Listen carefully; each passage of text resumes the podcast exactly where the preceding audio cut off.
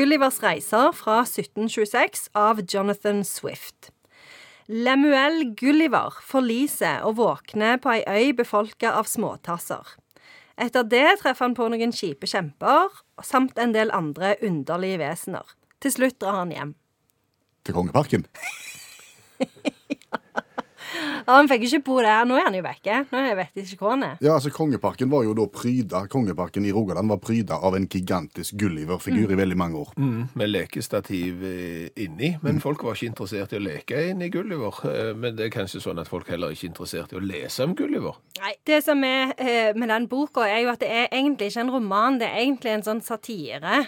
Eh, og på ett vis er det satire av sånn reisebøker, eh, folk liksom, hvor folk forklarer om andre kulturer og sånne ting.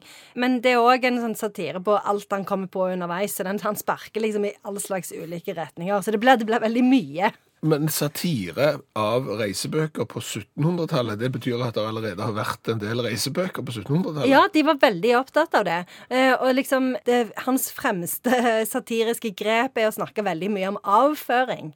Eh, så det syns han liksom. Nå lagde jeg en lyd som ikke passet til det, kjente jeg. Det var ikke meninga. Men Tiss- og bæsjhumor. Ja, litt sånn mm, eh, hvordan han gjør når han skal gjøre sitt fornødne og sånn. Det var tydeligvis eh, veldig sånn hardtslående satire mot reiselitteraturen. For det var sikkert sånn at de forklarte hvordan de klarte seg i naturen og all slags sånne ting. Ja. Altså satire betyr eh, Ordet satire betyr å, å sparke i alle retninger, og det er det han gjør. Han liksom tar for seg alt som han syns var problematisk med samfunnet, fra disse her reisehåndbøkene til liksom hvordan eh, samfunnet var strukturert, og fattigdom og all slags sånne ting. Så det er liksom alt. Er de småtassene et eh, bilde på noe? Ja, De småtassene er på en måte bilde på noe positivt, da. Altså Det er Gulliver sjøl som på en måte eh, ikke er obs på sin egen framferd nok. sant? For at de er jo så små, så han ødelegger jo ting. For han er ikke Altså kroppen hans er altfor stor for dette her det lille, pyntelige samfunnet.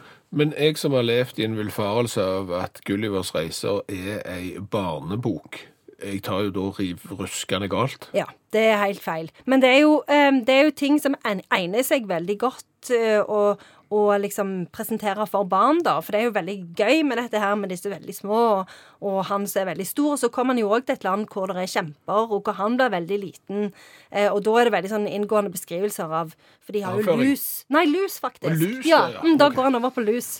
Fordi kjempene har en del lus, og de er jo veldig sånn gufne, for de ble jo kjempestore. Har de skjeggkre òg? Ja, det regner jeg med at det er sikkert egentlig òg faktisk var et problem på 1700-tallet, bare vi vet ikke. Nei. Er det et berømt sitat fra Gullivers reiser? Ja, det er dette. Det er faktisk Eller det som jeg tok istedenfor et sitat, det er det som regnes som tekstens grunnsetning, da. Og det er en tekst, eller det er en setning på latin. Så dette blir litt spennende. Det håper jeg du oversetter etterpå. Ja, det har jeg tenkt å gjøre. Caelum nori animum mutant qui transmare curunt. Bare si det på norsk. Jeg er ikke så stødig på Latin er jo et dødt språk. Dette har vi snakket om før. Eh, uansett hvor du drar, så er du alltid belemra med deg sjøl.